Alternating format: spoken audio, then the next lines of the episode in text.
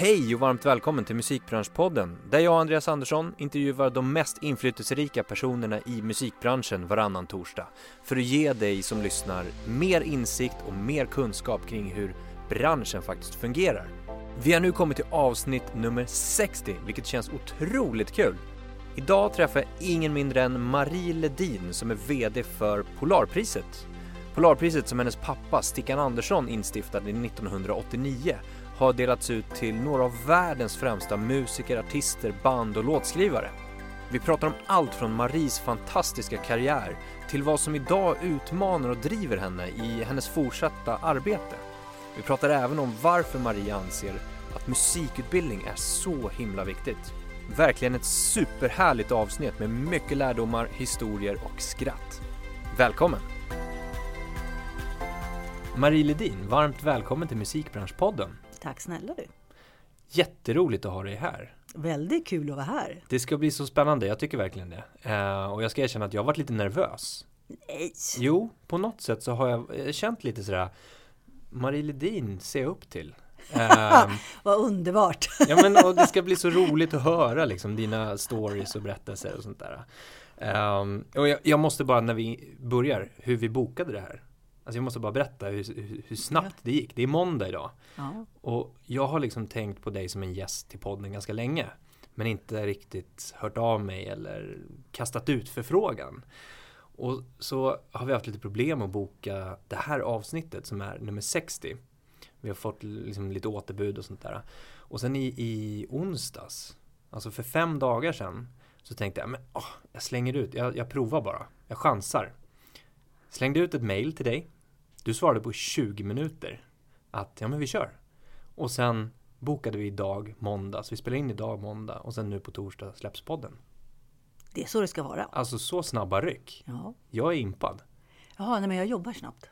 Bra, jag, det, ja. det tänkte jag liksom komma in på som en första grej. Så bara, hur tycker du att branschen är duktig eller inte duktig på att jobba snabbt eller ta snabba beslut? Jag tycker att branschen är jätteduktiga ja. på snabba beslut. Eh, jag jobbar ju numera med Polarpriset och jag tycker att jag får väldigt snabba eh, besked. Eh, jag jobbar ju väldigt mycket med utlandet då med pristagare. och de manage, ja, nästan alla management, jätte, jättebra att jobba med. Skönt, för det är ju ofta det när man själv tar snabba beslut och vill ha liksom, mm. snabba svar så kan man bli väldigt frustrerad när man inte får det. Man blir tokig. Eller hur? Ja. Man får inte svar på mejlen och så påminner man och så ringer man. Och så, ja. Nej, men alltså jag ringer inte. Jag mejlar. Alltså jag är en mejlmänniska. Jag, jag pratar aldrig i telefon. Okay. Jag, jag la ner telefon för många år sedan. Eh, jag mejlar. Om Allt. du inte får svar då? Mejlar du igen bara? Ja, bara, ja, precis. Hur går du tillväga då? Har du någon sån här eh, Inkluderar du originalmejlet? Ja, ja, precis. Då ja. skriver jag att I sent this mail two days ago eller three days ago eller a week ago. Ja. Uh, see below. Ja.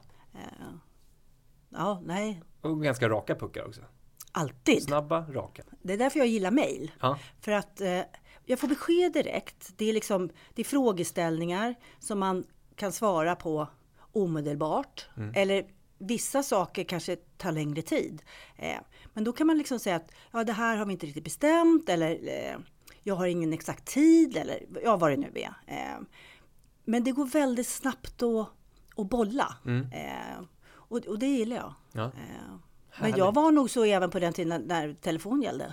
Att, att, du inte ringde? Jo, jag ringde. Alltså då satt jag med två telefoner när det var som värst. Liksom, två eller två linjer. Mm. Eh, för då var ju allting baserat på mer eh, och just när man kommer till produktion, alltså med när man ska tillverka CDn eller liksom eh, göra label copy eller när, när det är rätt mycket människor inblandat. Eh, då fick man ju ringa en och en. Liksom, är, är label copyn okej? Okay? Är det rätt? Har jag uppfattat allting rätt? Eh, till när man skulle trycka. Alltså, det tog ju otroligt mycket längre tid och mm. innan mm.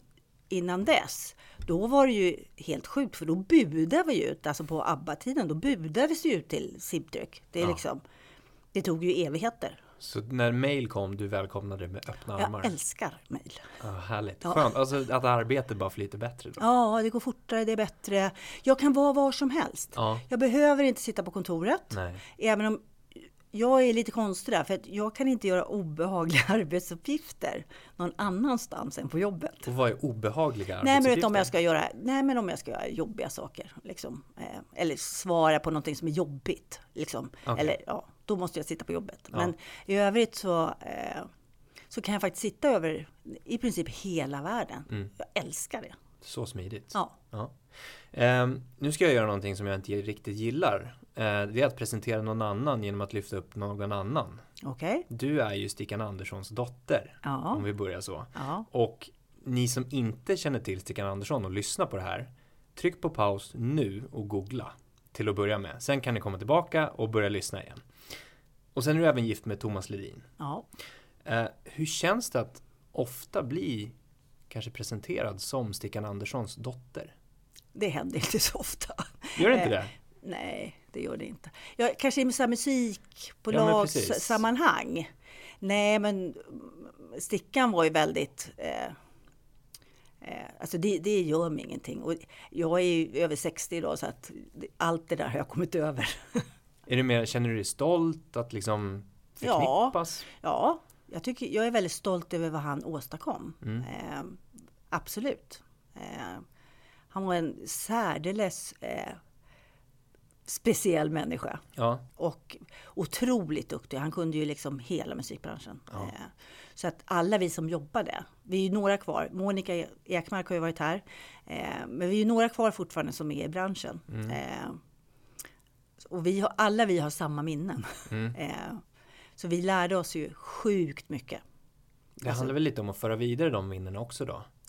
Ja, det, alltså, nej, ja, det är liksom, jag tror att vi, det var liksom en grundkurs 1A i, i förlagsbransch och i skivbransch. Eh, och på den tiden, det, lå- det här låter jättekonstigt, men då hade vi samling varje morgon, typ kvart över nio. Då gick vi igenom posten tillsammans. Allihopa. Oj. Ja, vi var inte så himla många, men vi säger att vi var liksom 18 personer. Så Stickan öppnade breven och så läste han igenom och så ofta så hade han en liten historia om den som skrev brevet. Så vi fick liksom inte bara vem den här personen var, utan han har jobbat där, eller han har gjort det. Så, att liksom, så vi fick en historielektion. Eh, det gjorde vi då varje morgon. Och sen klockan två när det var fika, då, då hade man skrivmaskiner. Eh, IBM i alla fall hade vi. Eh, och då skrev man med karbonpapper också en rosa kopia. Den rosa kopian skulle läggas i posten. Och sen skulle man läsa utgående post varje dag. Och då var man tvungen att bocka av sitt namn. För att alla skulle veta all ingående och all utgående post. Så att alla var med. Alla visste vad alla gjorde. Eh, Wow! Mm. Men det var ju också otroligt effektivt. För vi, alla visste ju vad vi höll på med. Ja. Mäktigt verkligen. ja, det låter otroligt gammaldags. Men, men Jo men egentligen om man tänker efter innebörden av det. Det är ju helt fantastiskt. Mm. Om man tänker som vi var inne på e-mail nu då. ja, Det är ju inte så att man sitter och läser upp då nej. måndag morgon. Vad, vad har alla fått för mail i helgen? Nej, nej, men alltså det, nej, men det gjorde ju att, att vi fick en väldigt bra grundutbildning Ja, allihopa verkligen. på vad företaget sysslade med. Ja. Eh, och Stickan hade ju ofta föreläsningar, eller liksom, han satt och berättade så här ser vi på, eller så här ser jag, så här ska vi göra, så här ska vi nå. Eh, så att eh, alla var ju väldigt liksom med på resan. Eh, och sen så småningom kom ju då ABBA. Eh, och framförallt vinsten i Brighton som var ett startskott. Så att den söndag efter vinsten i Brighton, då ju alla på kontoret. Alla visste exakt vad de skulle göra. Ja. Och så bara skickades allting ut. Då, men då var det ju liksom, det fanns ju inga filer, det fanns ju inte, det fanns ju inte datorer på den tiden. Men då låg allting, vi la det på golvet. Görel Hanser som var vår chef, hon la allting på golvet och så stod det Argentina, Uruguay. Hon skrev lappar liksom på allt det skulle. Och där skulle då eh, eh, ja, labelinformationer, eh, alla eh, tejper, film, eh, filmer. Mm. Eh, och så la vi det i högar och så packade vi upp det, att etikettera det och så iväg på posten. Häftigt. Och det där är ju för att ni var då så pass inkörda. Ja. Som, alltså, tack vare att ni hade gjort det här och var så pass väldigt kunniga och säkert kan jag tänka mig ganska sammansvetsat team. Ja, men så hade vi Görel också. Hon, hon var ju vår superboss. Okej, ja. Och henne var en otrolig ordning och reda på. Nej, men så att, och alla hjälpte alla. ja.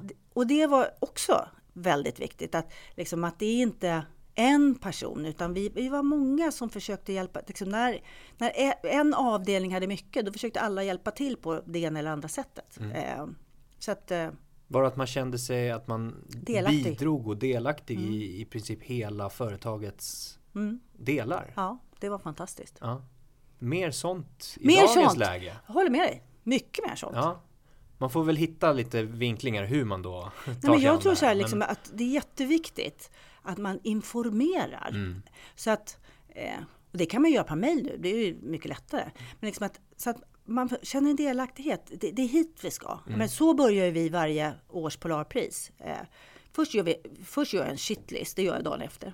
Eh, allting som gick fel. Ja.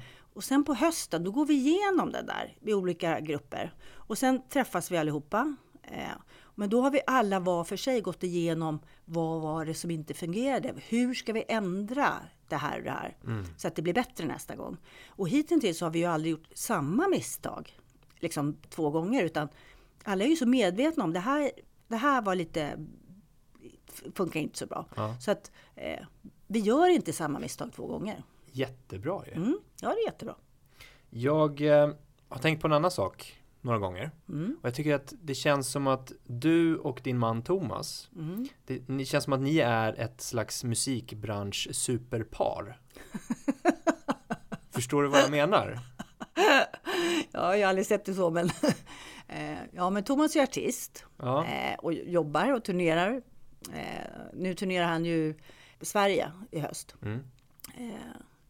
Och jag jobbar ju med Polarpriset, så vi, vi gör ju olika saker idag. Alltså vi, idag jobbar vi inte tillsammans, det Nej. gjorde vi under många år. Men eh, nu, jag sköter mitt och han sköter sitt. precis. Men ni båda har liksom en gedigen musikbranschkarriär kan Ja. man väl kalla det för. Ja, det har vi. Ja. För jag, jag upplever dig också som väldigt driven. Ja, det är det? nog. Ja, det är nog. Upplever du dig själv som driven person? Jag upplever mig inte så, så som driven, men jag är det, jag vet det. Du är det? Ja. Vad grundar sig det i tror du? Nej, men om man ska få saker att hända, Ja. då måste man vara en driven människa. Eh, och musikbranschen, eller alla branscher förmodligen, är, kan ju vara lite sega, liksom att det inte händer. Och då måste man måste vara en doer. Mm. Eh, och, och det vet jag bitvis när jag, eftersom jag har ganska lång, har jobbat länge i, i musikindustrin. Så alltså, det värsta jag vet, det är folk som bara snackar Ja. och inte gör något. Det är liksom, då, då, det, det, det ma, nej, alltså man måste vara en doer för att annars händer det inte. Eh, och så tror jag att det är jättemånga branscher. Men just i musikbranschen så är det otroligt viktigt att vara en, man måste vara en doer. Mm. Det, annars händer ingenting. Och lite i din nuvarande roll då? Om man tänker eh, Polarpriset till exempel. Ja. Där behöver du vara driven för att där måste det ju hända saker. Det är en åt- Ja. återkommande, ett återkommande event. Ja. Som vi hela tiden ändrar. Ja, Och det är ju det som är, alltså det är det som är kul, men det är också det som, vi kan ju inte ta ett år och liksom applicera det på året därpå. Nej. För det är helt olika pristagare, så det är o, o, liksom olika artister, olika eh, människor, alltså allting förändras. Mm. Så att vi kan egentligen inte börja jobba förrän vi vet pristagarna. För att det har, alltså gästlistan förändras på grund av, av det. Mm. Eh, musiken är ju helt annorlunda. Så att det är rätt mycket som förändras. Eh, det är roligt, men ibland så känner man ju att vad lättare, mycket lättare det skulle bli om man kunde göra en copy-paste. ja. Eh, men, samma gästlista, samma utskick. ja, precis. Men, nej, men riktigt så är det inte. Eh, men, eh, men det är också ett otroligt spännande arbete. Det är jätteroligt. Och jag är ju lika spänd varje år på vad prisnämnden bestämmer ska bli. Mm. Eh, och så blir för mig personligen blir en resa. För att många gånger så jag är inte så insatt i vilka prisnämnden har bestämt. Så att alltså man, man googlar ju sjukt mycket, man lyssnar ju sjukt mycket på musik. Man, man liksom försöker förstå vem pristagaren är. Sen är det ju ofta så att eh, vi åker och träffar pristagaren för vi gör en, eh, när vi tillkännager så har vi gjort en film. Mm. Så då har jag varit med de senaste kanske fem åren. Och, och det är ju oftast lite nervöst för då ska jag ju träffa pristagarna första gången. Men det gör också att, för att så fort man träffar dem så får man liksom en känsla för Eftersom man förmodligen, eller förhoppningsvis har läst så mycket också. Man vet liksom vad den här personen eh, eller gruppen som det var förra året, vad de står för. Men man lär sig så otroligt mycket på att lyssna på intervjuerna. Att sitta med när vi gör intervjuerna. För då, då får man liksom en annan bild, ofta i alla Mm, fall. mm. Eh, så, och, det, och det är faktiskt jättekul. Mäktigt. Mm, det är mäktigt. Jag tänkte vi ska få en liten uh, djupare förståelse för var du kommer ifrån. Ja. Om vi kan bara backa bandet lite och titta på vad du har gjort tidigare. Om vi börjar, eller vi var inne Ja. lite grann på det. Ja. Jag började Ja, jag, började, jag började då på eh, Sweden Music och Polar. Eh, någon gång i, ja, ja, någon gång i mitten, mitten 70-talet tror jag. Mm. Så började jag på ekonomiavdelningen. Eh, för att jag var utbildad så. Eh, och sen så började jag på Polar. Och gjorde precis som de flesta. Man börjar med att skriva labelinformationer, bestämma, beställa LP, MC, ja CD var ju, det här var för CDn till och med. Så det var eh, kassetter och LP-skivor och så såg man till att de kom in i lager. Eh, och så släppte man det, man gjorde nyhetsblad och så pratade man med säljarna som gick ut och sålde eh, skivorna till handeln. Så där började jag. Och sen så startade jag eh, Record Station, ett skivbolag. Det gjorde jag väl 86, 85? Är lite dålig på årtal. Det var Torbjörn Sten och Nutta Hultman och jag. Eh, så vi flyttade till Polarstudion på Sankt Eriksgatan. Så där var vårt kontor. Och så jobbade vi då, första releaserna var Eva Dahlgren, eh, Ung och stolt, eh, Ratata och Mats Ronander. Okej. Eh, det var det första vi släppte. Ja. Eh, och det var ju en fantastisk resa. Och då Eh, drev du det bolag. Du startade, Ja. var med och startade upp det mm, och, Ja, jag och drev drev det. helt ja, enkelt. Mm.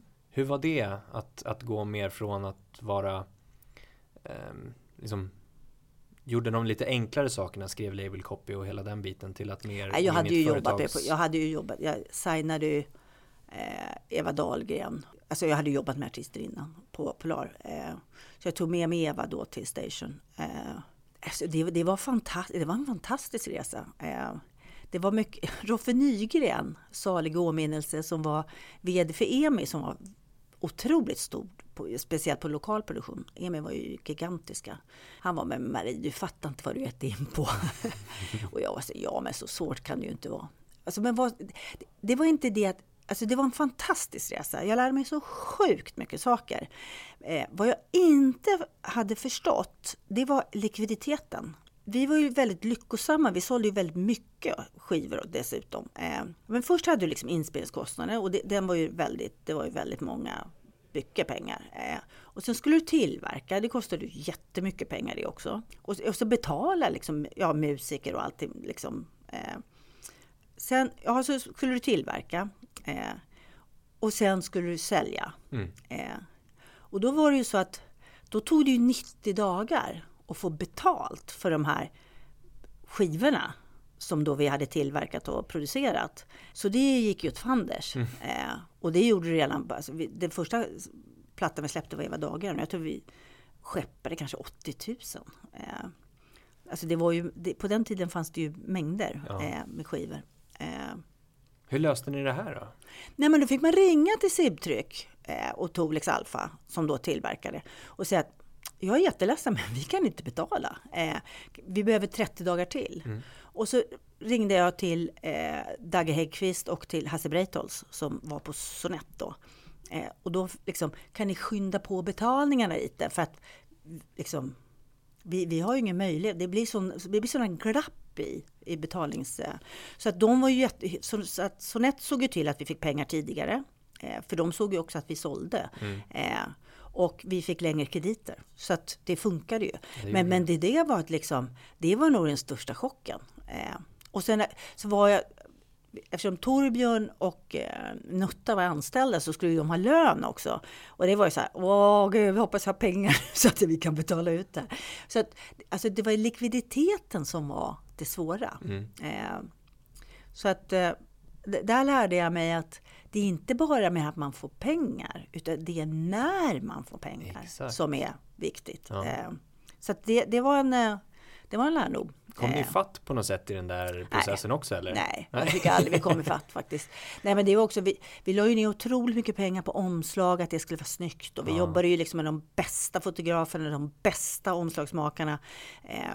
Vi gjorde sjukt snygga liksom, reklamkampanjer och affischer. Och, liksom, eh, så att, eh, nej, jag tror att vi, vi kom i, jo, det gjorde, alltså vi hade ju fantastiska julfester. Mycket gick ju liksom åt andra saker också. Men, men eh, de var väldigt roliga i och för sig. Nej, men det var också så här, vi firade, för det hade jag lärt mig från, mm. eh, från pappa. Att, eh, när vi hade liksom en etta, då firade vi. Då mm. liksom var det champagne och liksom, vi var glada och vi var ute och käkade. Och, eh, det var liksom varje, varje, sa, var, varje release som funkade var mm. vi otroligt stolta över. Eh, så att det var också det var en otroligt rolig tid. Mm. Jo, men det är klart det gick, det, alltså, det gick ihop. Gjorde det. Jag tror att sedermera så småningom då när vi blev uppköpta av BMG, men de fick då rätt mycket pengar för det tog ju så himla tid att få in allt. Nej, men det var en rolig resa. Tog du vidare det här äh, från din pappa, det här med teamet, att involvera alla? Ja, jag tror, jag tror att jag gjorde det. Ja, för både Nutta och Torbjörn satt ju eh, på Polar. Torbjörn satt ju på Stranded. Mm. Eh, som, när Claes Lunding, alltså han satt ju på sitt pojkrum i Stocksund eh, när vi signade. Då hade han Lustans och Ratata. Eh, och han signade ju rätt mycket artister. Och så skulle han göra militärtjänst och då kom Torbjörn eh, in. Eh, vi kom ju från Polarfamiljen, mm. eh, alla tre. Så att eh, vi gjorde väl... Vi visste ju bara en sak och det var ju hur vi var uppfostrade på Polar. Mm. Så vi fortsatte ju det. Mm. Och sen då? Om man tänker tiden efter det, när det blev sålt till, till BMG? BMG ja, då, då flyttade vi till Sundbyberg det var ju inte det bästa i mitt liv. Jag tyckte Sundbyberg var något helsike. Långt, långt bort. Eh, nej, men jag satt på BMG i, jag tror att det var fem år. Och då, då skötte vi, liksom, eller jag skötte Station då. Eh, och sen kände jag efter fem år att alltså BMG blev stort också. Det var, det var, eh, det var jättekul att jobba med Hasse. Eh, det var, vi, vi var ett jätteroligt team på BMG. Eh, Alltså det var roliga människor att arbeta tillsammans med. Men det blev väldigt stort och det var väldigt, alltså jag blev, det, det blev mer och mer papper, budget, mm. eh, liksom mindre och mindre artister. Eh, för, för, det fanns liksom inte tid till det. Så att det och det var, tyckte jag var urtrist. Så att eh, då bestämde jag mig för att eh, nej, men jag, jag måste starta från början igen. För det är det som är för det är det jag tycker är kul. Det är mm. att jobba med artister. Mm. Musiken i grunden. Ja. Ja, artister i grunden skulle jag säga. Ja. Mm. Eh, men, eh, nej, men då startade jag Andersson Records. Och sen och det, då släppte vi Frida. Eh, jag jobbade med Uno Svenningsson, för det gjorde jag ju på Station. Så släppte jag Lost Demian, Thomas Andersson Vi. Ja, några plattor där. Sen kom hela den här alltså internet. Och, och det kände jag att här vill jag inte in och tampas. Och sen var det sån skillnad. Alltså det var först, jag hade alltid, jag är möjligtvis en väldigt naiv människa, men jag har alltid trott att, att jag kan bestämma. Liksom att vi i Sverige bestämmer. Liksom att jag kan bestämma vad jag vill göra. Eh, med liksom eh, 5 plus 1 ljud. Eller vi, vi testade ganska mycket saker. Eh, men sen upplevde jag just när internet började komma. Liksom, eh, så upplevde jag att men det är inte jag som station som bestämmer ett skit. Eller för den delen Dagge som hade Sonett, som även var ordförande och som var liksom tung i branschen. Eh, det är ju inte vi som bestämmer, utan här sitter ju Sony och BMG och de här stora bolagen eh, och bestämmer hur saker och ting ska vara. Mm. Och då blir jag rätt illusionerad. Jag tyckte liksom, inte alls vad jag... Alltså jag, eller jag, jag, jag hade nog inte förstått det fram till dess. Och då blev jag så här, nej men det här ska inte jag in i. För jag vet att Dagge och jag pratar ganska mycket om det där. Eh, och vi hade nog samma syn på hur vi skulle tackla det här. Men alltså, vi hade ju inte en sucke för att det här bestämdes ju liksom i Japan, New York, London, var de nu satt de här huvudkontoren. Det, är ju, det var ju de som var drivande på det här. Det gör ju inte vi. Eh, och det, det, då var det så här, nej, nu ska jag göra något annat. Mm. Och då startade jag bokförlag. Helt annat? Helt. Ja, men det är inte så stor skillnad. Alltså, eh, nu ägnar jag mig bara åt pocket då. Nej, det är inte så stor skillnad. Det var inte alls så stor skillnad som jag trodde. Alltså ett förlag är ett förlag. Mm. Det är samma rättigheter, det är samma tänk. Eh, det som är intressant i bokförlagsbranschen, det är ju att eh, det är på svenska. Du har liksom en marknad som är, det är inte världen, du pratar Sverige. Mm. Eh, och sen vet jag att i, i skivbranschen så var man otroligt stolt över alla svenska releaser. Och så när svenska plattor sålde mycket, då var det verkligen så alla var jätteglada. Alla liksom, eh, det spelade ingen roll om det var Roxette eller Gyllene Tider eller Eva Dahlgren, vem det nu var. Men liksom, alla var glada för att det var svensk musik som sålde. För det var viktigt, att det var, liksom, att det var svenskt. Att originalspråk, eller originalet var från Sverige. Eh, när jag kom in i bokbranschen, då var det inte alls så. Utan, ja, vi läser för lite fransk litteratur. Men jag sa, gud, men kolla på alla svenska fantastiska författare vi har. Man ska ju vara stolt över att eh, så det är lite, där, där var det en skillnad, mm. det måste jag säga. Men, mm. men eh, i övrigt så var jag även, tyckte jag faktiskt, pocketbranschen var ju kul. Det var ju jättekul. Det var kul att, att ha ett pocketförlag ja. liksom, som var billigt. Ja. Eh, men det finns kvar? Nej, nu, nej, nu lägger jag ner det också. Jag har lagt ner Jaha. allt. Nu jobbar jag bara med priset. Det är bara priset. Ja. Sen hur länge då tillbaka då? Eh, ja, två, tre år. Alltså, förlag, pocketförlaget har ju skött sig självt i mm. princip. Eh, men eh, eh nu håller jag faktiskt på att lägga ner. Eh, nu är det bara Polar. Bara priset. Bara priset. Mm.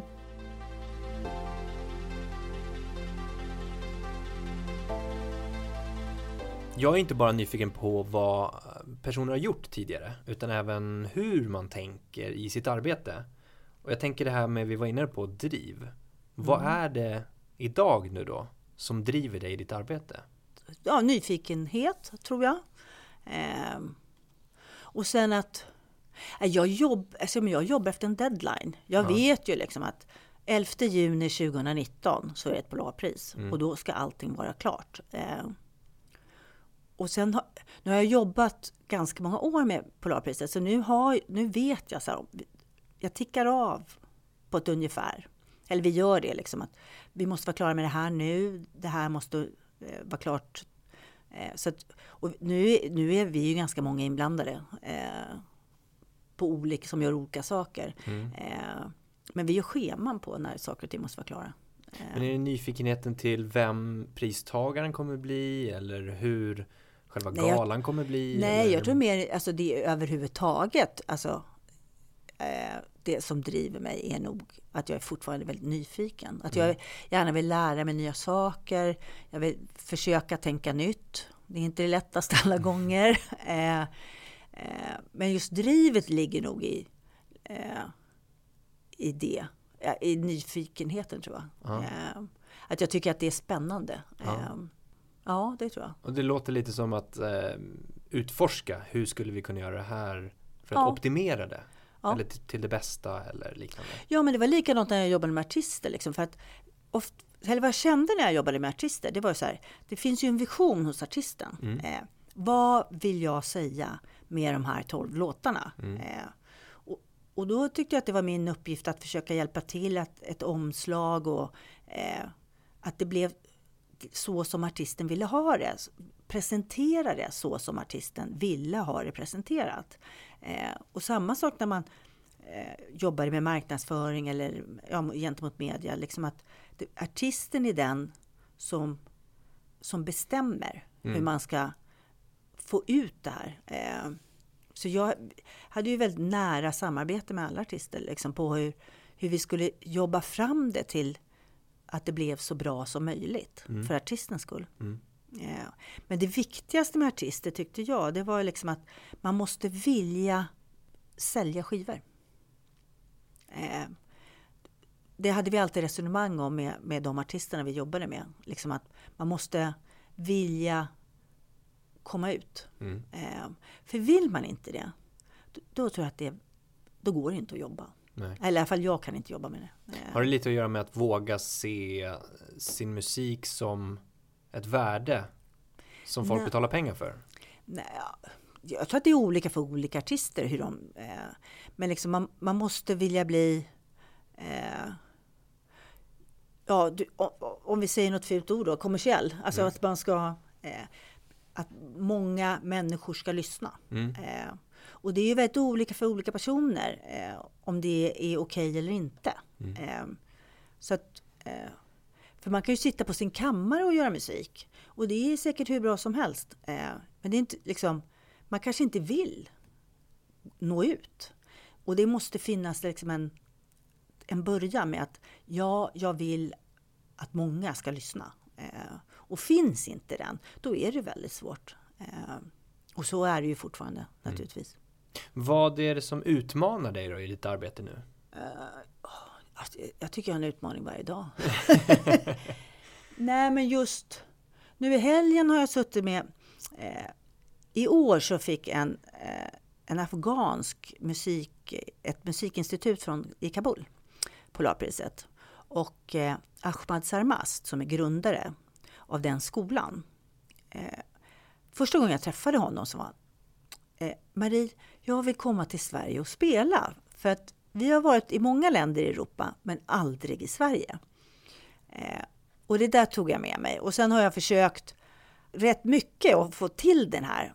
Men Polarpriset är ju ingen turnéorganisation. Vi är ju liksom ett musikpris. Mm. Eh, och sen så fick jag, alltså när jag hade gett upp, för, att det kostar ju, det är liksom 40 personer som ska flyga från Kabul till Stockholm.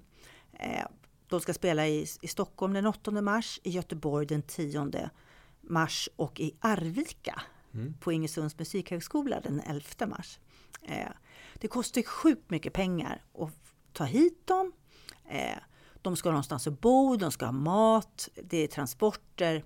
Och när jag hade gett upp det här, det här kommer inte, jag kommer aldrig få ihop de här pengarna. Så träffade jag Katarina Berg på Spotify och berättade det här för henne. Och då sa Katarina att ja men Spotify kanske kan hjälpa dig. Jag bara, ja men gud, ni gör väl inte turnéer?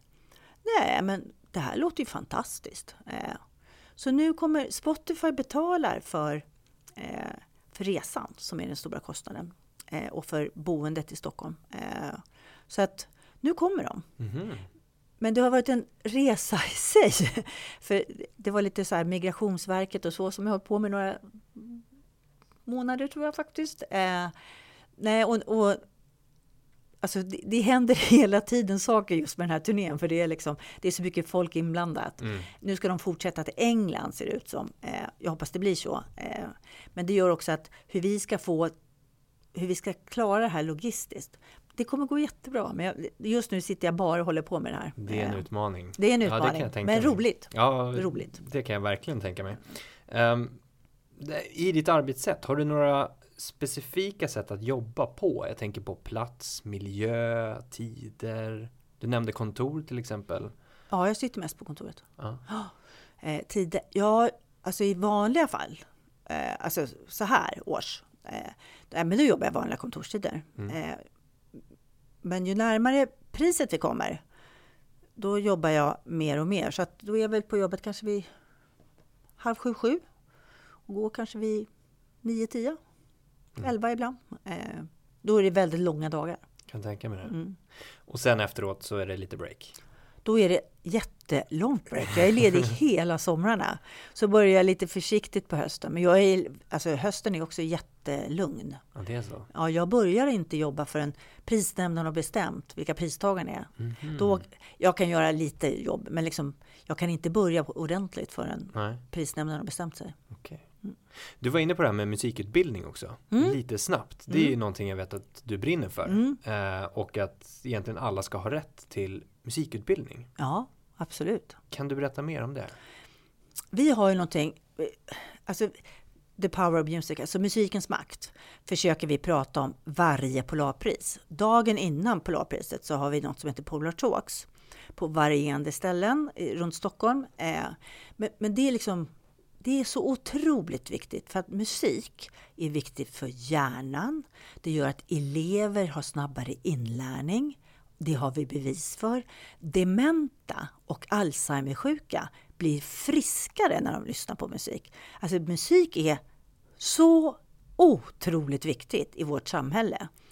Jag är bekymrad över att musikundervisningen i skolorna eh, i det närmaste tas bort. Jag tycker det är, alltså musik är, för, speciellt för barn med olika diagnoser så är musik, alltså det, det, är, det är fantastiskt. Och dessutom så tycker jag liksom, musik i minnen. När jag hör Michael Jackson så, så är jag 22 och står på ett dansgolv. Mm. Eh, alltså, det, alltså musik är så grundläggande och det är ju någonting som människan, vi börjar ju trumma innan vi börjar prata. Mm. Alltså, det är våra gener, i vårt DNA. Eh, och sen att musikutbildning, det, alltså det tycker jag... Eh, jag vet att när jag jag fick ju lära mig spela blockflöjt. Jag gick den vägen. Liksom, för alla spelade blockflöjt i årskurs tre. Eh, så man lärde sig noter. Eh, och sen fick man välja sitt instrument i fyran. Så jag spelade piano i många år. Eh, och jag, är, jag spelar aldrig piano idag. Men jag är väldigt glad att jag fick den möjligheten. Och att jag fick lära mig ett, ett nytt språk. Mm. Vilket noter är.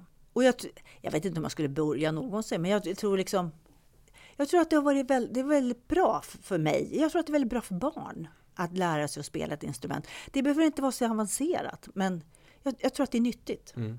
Hur skulle du vilja att det såg ut om du fick önska? Ja, men jag har en kompis som är lärare. Han berättade att han körde på test så körde han eh, olika klassiska stycken eh, när eleverna kom till skolan på morgonen.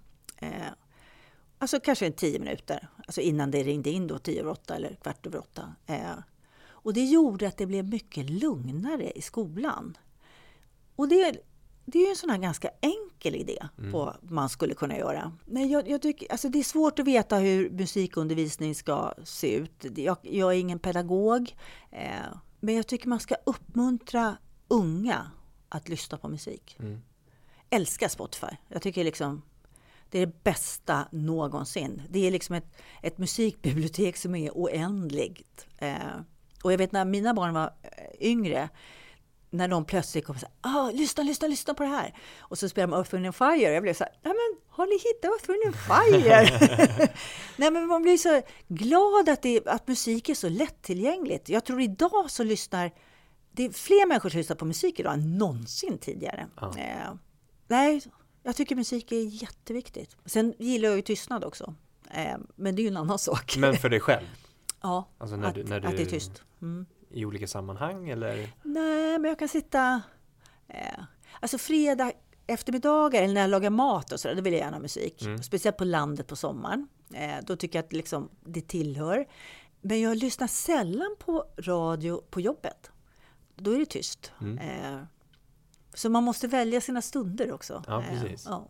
Jag tänker mig att det blir lite som, det blir lite dynamik i det hela. Att har man ett konstant musik, liksom väsen eller vad man säger, konstant musik överallt, så blir det nästan för mycket. Då har, får du inte de här topparna, riktiga, riktiga topparna, som att när du står på landet och, och lagar maten, mm. då, då känns det ännu mäktigare. Ja, men man blir glad då. Exakt. Ja, det är liksom, nu får vi gäster, liksom. Det, ja. är, eh,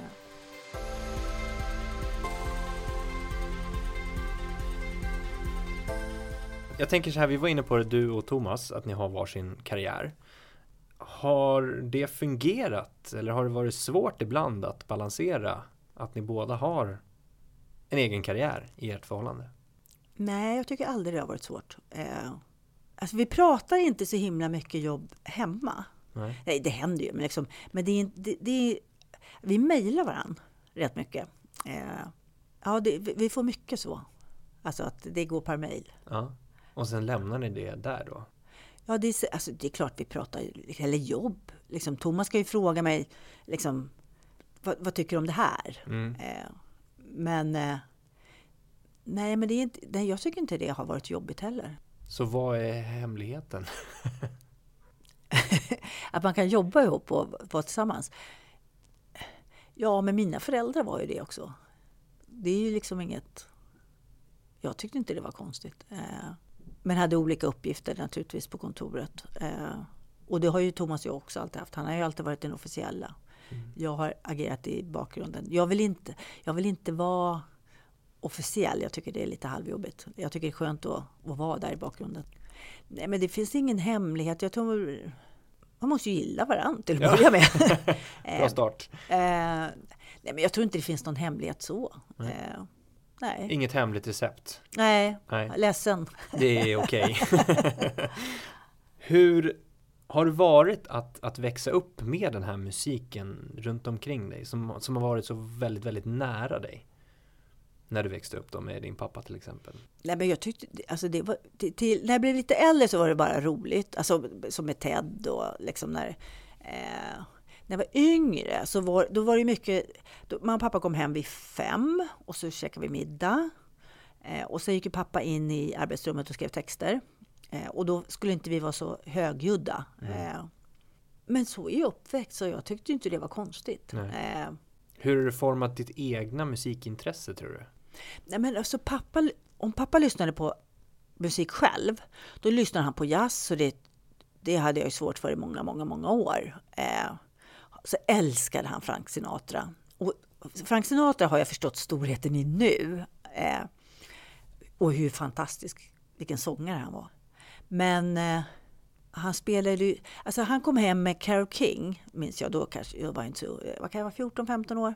Och den älskade jag. Alltså jag tror jag spelade sönder den plattan, Tapestry. Eh, men det var sällan... Liksom, det var inte så, han kom alltid hem, han hade en korg och där hade han en massa skivor för att han skulle översätta texter. Och, eh, men det var ju sällan egentligen som, som, som jag kollade den där korgen. Jag vet inte varför, hur det kom sig att jag just fastnade för Carole King, men jag gjorde det av någon anledning. Eh, nej men i övrigt, jag lyssnar väl... Alltså, jag är ju då...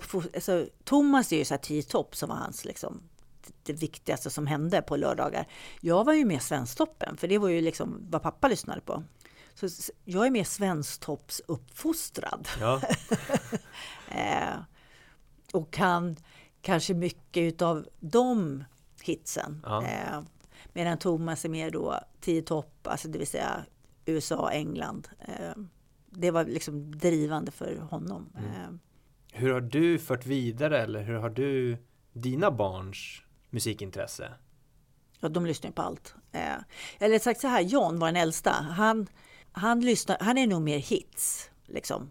Lyssnar mer på det. Eh, och mycket, han, han, eftersom han är ute, mycket ute på klubbar och så, så är det den typen av musik. Theo har ju börjat skriva sin egen musik och jobbar i studio och är väldigt, liksom, vill bli, kanske inte artist, men skriva låtar. Mm. Eh, så att eh, och Theo är extremt musikintresserad. Men vad som är kul med Theo det är att han, han kan skicka länkar. På Det här gillar du. Ja, till dig? Ja. Jaha. ja så då får, då får jag liksom Jaha, men det här tycker jag är jättebra. Så att jag lär mig av Theo idag. Ja. Eh, han ger mig liksom ja. input på artister. Har han rätt då? Gillar du det? Ja, och han fattar inte hur han kan... Nej, men jag tror att det, han förstår att det här kanske inte är liksom det hippaste, men det är liksom för lite äldre öron. eh, nej, men så att han är jättebra på det. Eh, så att, och det gör också, han spelar upp ganska mycket när han är hemma också. Ja, eh, ja det här ska jag lyssna på, liksom, det här tycker jag är bra. Eller, eh, så då får man lite eh, lite hum om det nya. Ja, precis. Mm. Vad roligt. Eh, Polarpriset. Ja. Och du är ju VD för Polarpriset. Ja. Vad innebär den rollen? Jag har hand om festen. Vilken strålande roll! Ja, det är jättekul.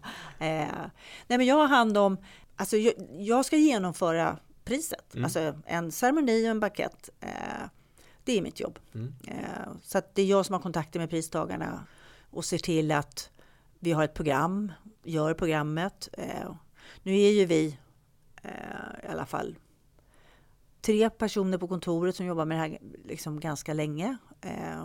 Vi har ju en logistikansvarig mm. som bara jobbar med logistiken. Jag har en annan tjej som har hand om alla inbjudningar, data, alltså hela, allt det som går i på datorn. Liksom, att vi har uppdaterade adresser, eh, att vi skickar ut inbjudan som vi ska. Och nu alltså går det ju tv, så vi har ett tv-team. Vi har ett musikteam.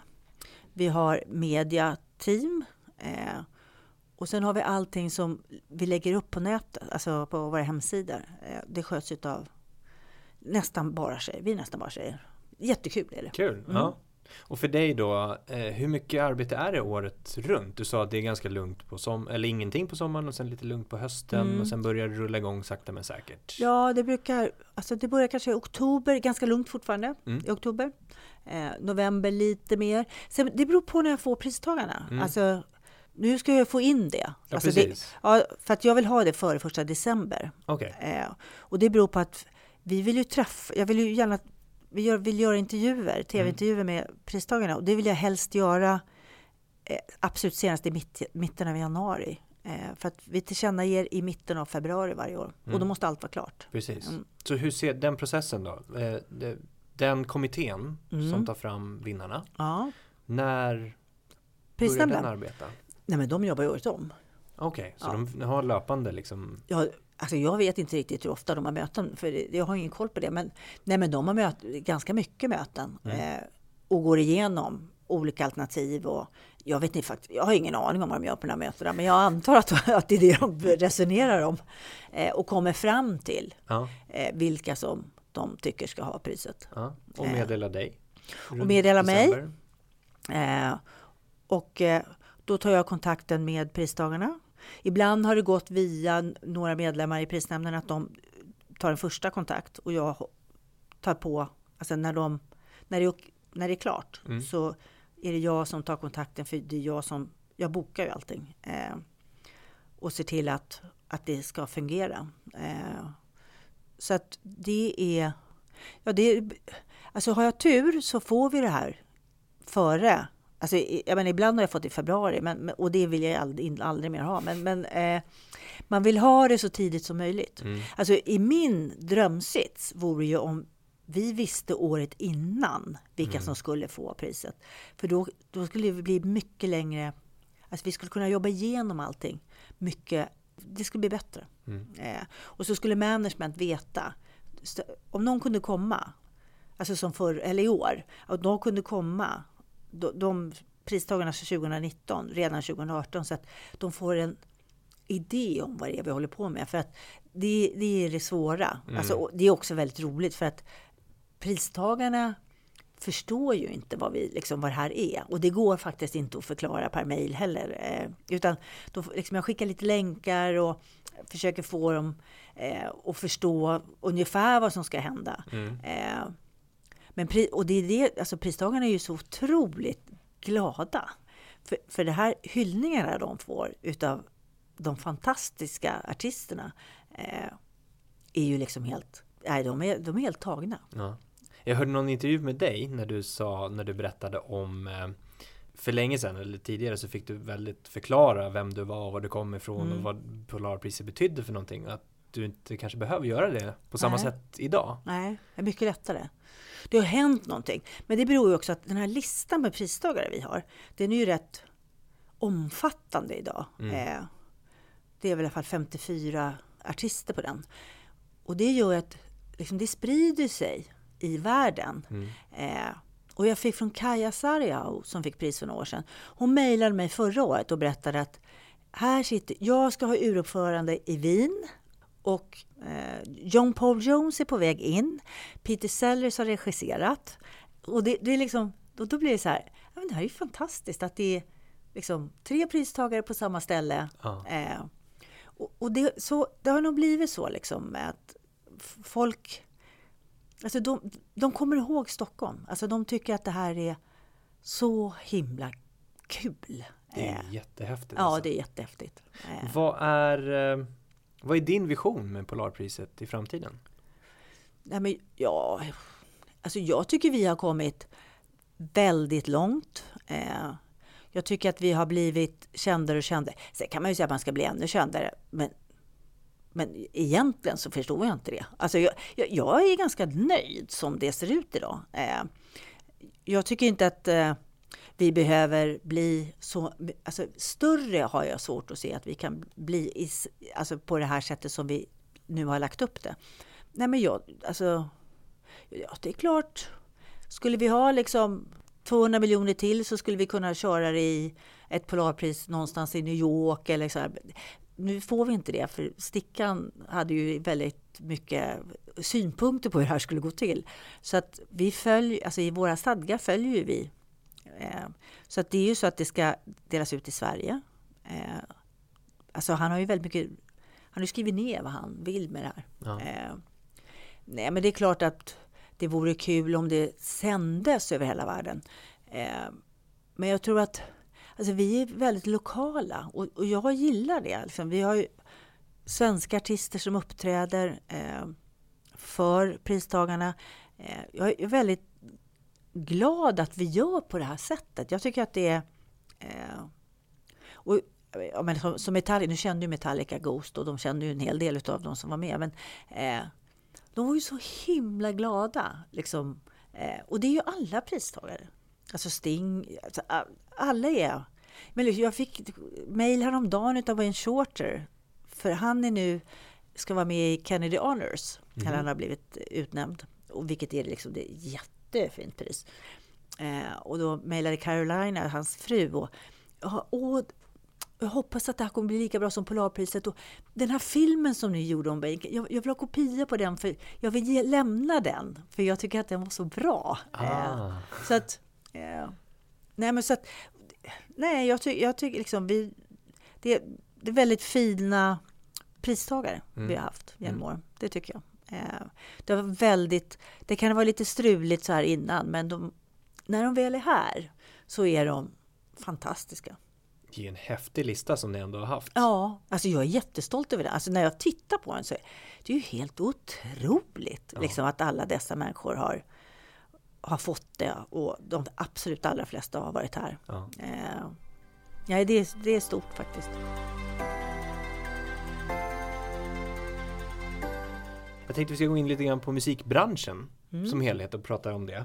Um, den har ju utvecklats, du har varit i den ett eh, tag ändå och, och sett den förändras precis som du sa från LP till CD till nedladdning och nu mm. till streaming och internet och hela den biten. Um, om vi tittar på värdet i själva musiken. Hur, hur känner du själv idag? Har musik ett tydligt värde? Nej, det tycker jag inte. Nej. Nej. Alltså förut gick man ju köpte en CD. Då ja. kostade ju den 189 eller 179 eller vad det nu kostar. Liksom. Då var det ju ett värde på den. Nu betalar jag ju 99 kronor och får all världens musik. Eh, så det är ju inte på det sättet. Eh, alltså om du ser ett ekonomiskt värde. Nej, så på det sättet är, är det ju inte. Tror du man ska sträva efter att inspelad musik ska återfå samma eh, liksom, värde som det hade tidigare? Nej, det är jag inte så säker på. Eh, jag, jag, tycker att det här med att man streamar musik är fantastiskt. Eh, för det är också att man hittar så otroligt mycket musik som man aldrig, alltså man, man inte visste fanns. Mm. Eh, så att det är ju, om man bara orkar så, så finns det ju så mycket där ute att lyssna på. Man behöver ju inte bara lyssna, alltså det är därför playlistar blir så stora på på Spotify för folk orkar inte leta. Men liksom, det är ju värt att leta. Mm. Eh, det, finns ju, det finns ju så mycket där. Nej, men jag, jag, tycker inte att det på det sättet var bättre förr. Det kan jag inte säga. Kan man, ska vi jobba för att höja värdet på musik i andra sammanhang eller hur musik används? Eller Nej, live? Jag tycker man kan höja, ja live, men live, där tar man ju liksom, där, där tycker jag att Eftersom jag älskar konserter också. Jag tycker liksom konserter är bland det eller teaterföreställningar eller vad jag nu går på tycker jag är fantastiskt. Det är en helt annan upplevelse. Jag såg Våroffer nu. Alltså, Benke Rydman är ju helt fantastisk. Eh, och liksom, det är ju en, det är ju något annat mm. när man går på en konsert. Eh, så, så där tycker jag att det, det, liksom det är bra. Och jag förstår att folk vill se någonting live också. Eh, för det är en helt annan upplevelse än att sitta och lyssna. Mm. Så det, det, det, det, tycker jag inte är... Alltså, nej men alltså vad, musik... Vad menar du, reklamsammanhang eller liksom? Ja, jag vet inte hur det kan liksom i, i människors syn på hur, hur musik har ett värde. Att så precis som vi sa, det har tappat i och med att du kan få det som rinnande vatten idag. Du kan få all världens musik i ett knapptryck och det kostar i princip ingenting. Nej. Men bör man liksom förändra synen på det hos människor? Alltså att se reklam, när musik är med i reklamsammanhang så ska man ha sjukt bra betalt för det. Mm. Eh, lika mycket som Zlatan får. Eh, nej men alltså det tycker jag är jätteviktigt. Alltså att musik har ett värde även om inte vi eh, inser det. Det är ju som butiken, när man går in i butiker eller när man går in på restauranger. Det här med vad man spelar för musik, mm. hur den ökar köplusten. Exakt. Eller vad heter han nu då? Eh, Blumenthal, eh, Hestor Blumenthal, eh, han som har Fat i London. Vi hade ett Polar Talks i London, som, där höll han ett föredrag. Och då bad han oss, vi fick in ett glas vin allihopa. Och så spelade han en hög ton och pratade. Och så sa han, drick vin. Och så drack vi. Och det var ett fantastiskt vin. Eh, nej, det var tvärtom. Det, då var vinet inte bra. Eh, och sen så började han spela bastoner på gitarren. Och så sa han, smaka nu. Ett annat vin. Och då blev jag så här. Och vi hade, alla hade ju stått det med det i handen. Och alla var så här, nej men det är ju inte samma vin. Det här. Och då berättade han, bastoner gör vinet, alltså det, eh, vinet får en, en eh, ja, vad kan det vara? Alltså, det händer saker. Någon slags med, reaktion i vinet? Ja, alltså det är alltså en vibration i mm. vinet som gör att, att det smakar annorlunda. Så att jag tyckte då så här, jag kommer köra och köra bas hela tiden. Men, eh, men alltså hur viktig musik är ja. och hur man uppfattar musik. Och hur musik kan förhöja maten och liksom och sådana saker, det pratar vi ju inte om. Liksom, eh, och där är musiken väldigt, väldigt viktig. Eh, så att det finns nog det användningsområden. Eller det är samma sak med det här med eh, Alive Inside. Och de här, det är en film som, jag vet inte om den finns på Netflix, men den fanns. Eh, och då är det en professor i, eh, i USA som han använder då musik och så sätter man på hörlurar på de här dementa. Och så ser man vad som händer med mm. människorna. Alltså det är helt fantastiskt. Alltså, det, det, blir en annan människa. Det, det, är en kille som är... Alltså han kan inte prata.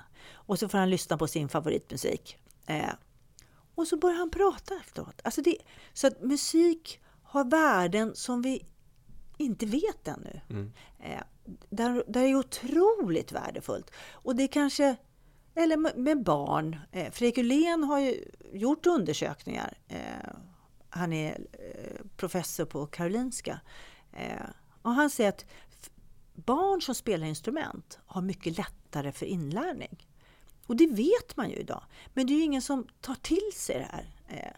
Så, så jag tror liksom musik har värden som vi bara har börjat skrapa på. Mm. Och som vi kanske, alltså där betyder det hemskt mycket. Alltså där är det väldigt, väldigt värdefullt. Så att musik som det fungerar, alltså med streamingen tycker jag att eh, det tycker jag bara är positivt. Eh, men det, det finns saker vi borde utforska med musiken. Som, och jag tror att vi är i våran linda nu, mm. liksom på hur det påverkar människor. Mm. Hur det får oss att må bättre eller sämre. Eh, förhoppningsvis så om man gör sina egen playlist så kan man må mycket, mycket bättre. Exakt. Jag tänkte du ska få ge lite tips.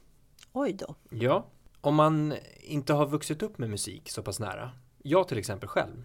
Jag hade ingen i min familj som är musikalisk, som spelade musik, som sjöng överhuvudtaget. Ja, men du lyssnar på radio?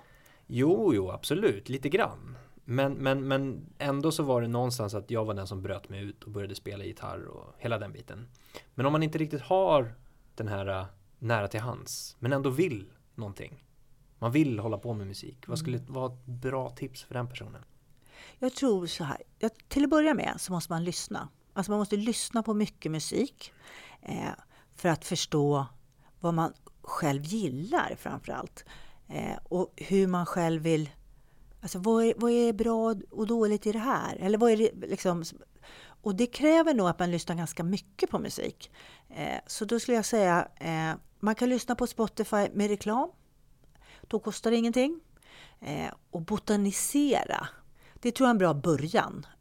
Sen är det ju all, det är jättemånga som vill bli musiker och artister. Och, eh, men det är ju väldigt få, få förunnat att kunna bli det. Eh, man kan jobba med musik på andra sätt. Vi var ju lite inne på det. Man kan bli en läkare som, som kollar vad gör musiken för hjärnan, för magen. För, mm. alltså inte, liksom, eh, jag tror i de flesta yrkesgrupper kan vi få in mer musik. Jag tror som lärare att, att få elever att lyssna på olika sorters musik. För det var lite så som eh, Abreu, alltså El Sistema, då berättade han att varför han jobbade med klassisk musik, det var för att eh, det fanns inga minnen utav eleverna.